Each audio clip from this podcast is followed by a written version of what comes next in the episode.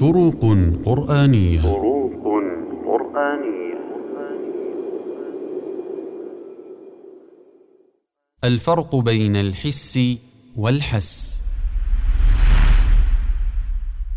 الحس بكسر الحاء مصدر أحس يحس وهو الشعور والإدراك باستخدام إحدى الحواس الخمس كما في قوله تعالى فلما أحس عيسى منهم الكفر قال من أنصاري إلى الله؟